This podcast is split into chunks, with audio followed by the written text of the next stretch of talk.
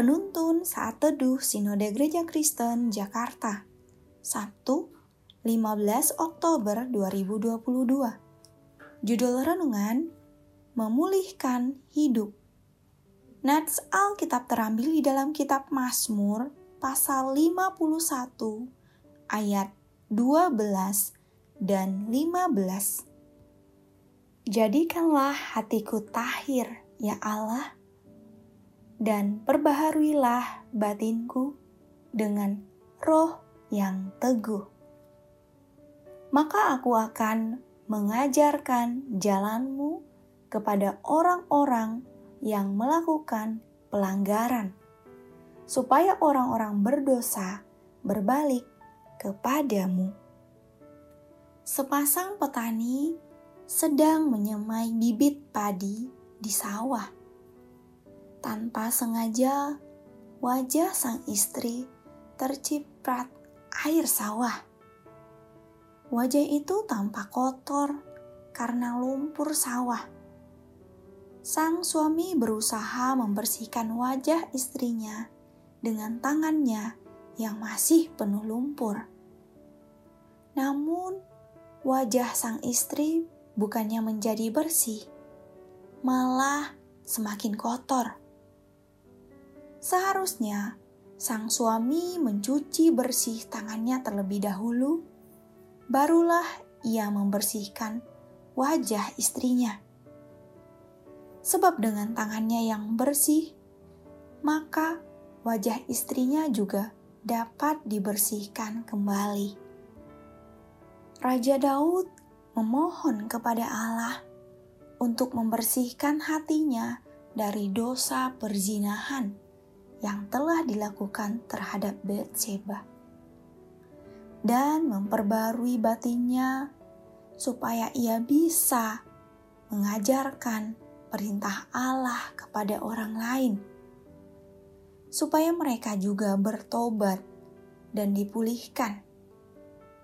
Mazmur pasal 51 ayat 15 BMK menerjemahkan dengan maka aku akan mengajarkan perintahmu kepada orang berdosa, supaya mereka kembali kepadamu. Hal ini juga terjadi dalam hidup Rasul Paulus.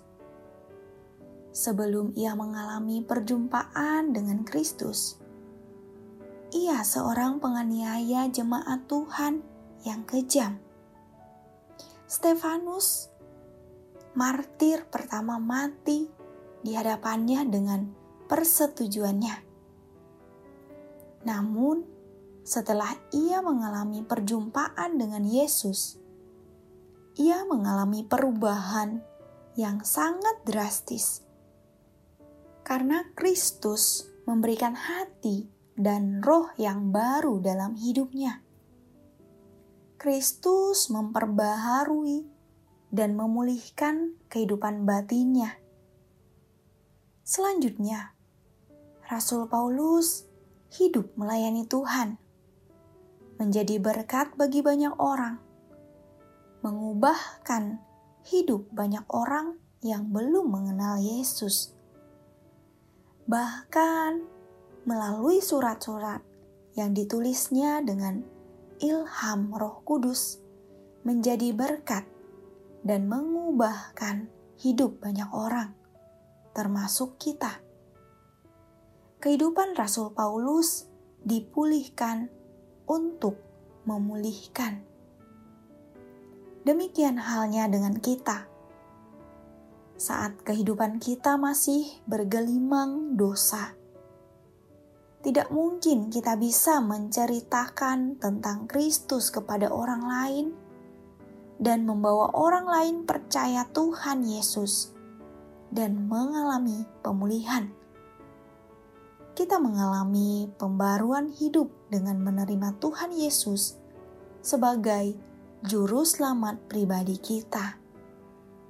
Maka Ia akan memberikan hati yang baru kepada kita, mengubahkan hidup kita, mengubahkan cara pandang, karakter, dan sikap hidup kita yang lama, dan dijadikan baru di dalam Kristus.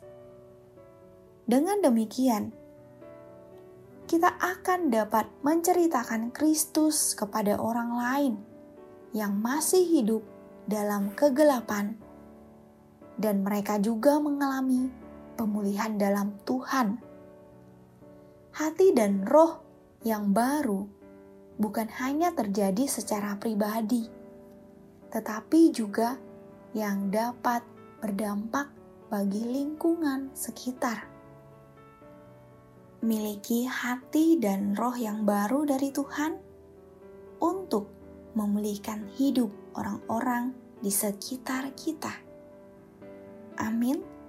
Terima kasih, Tuhan Yesus memberkati.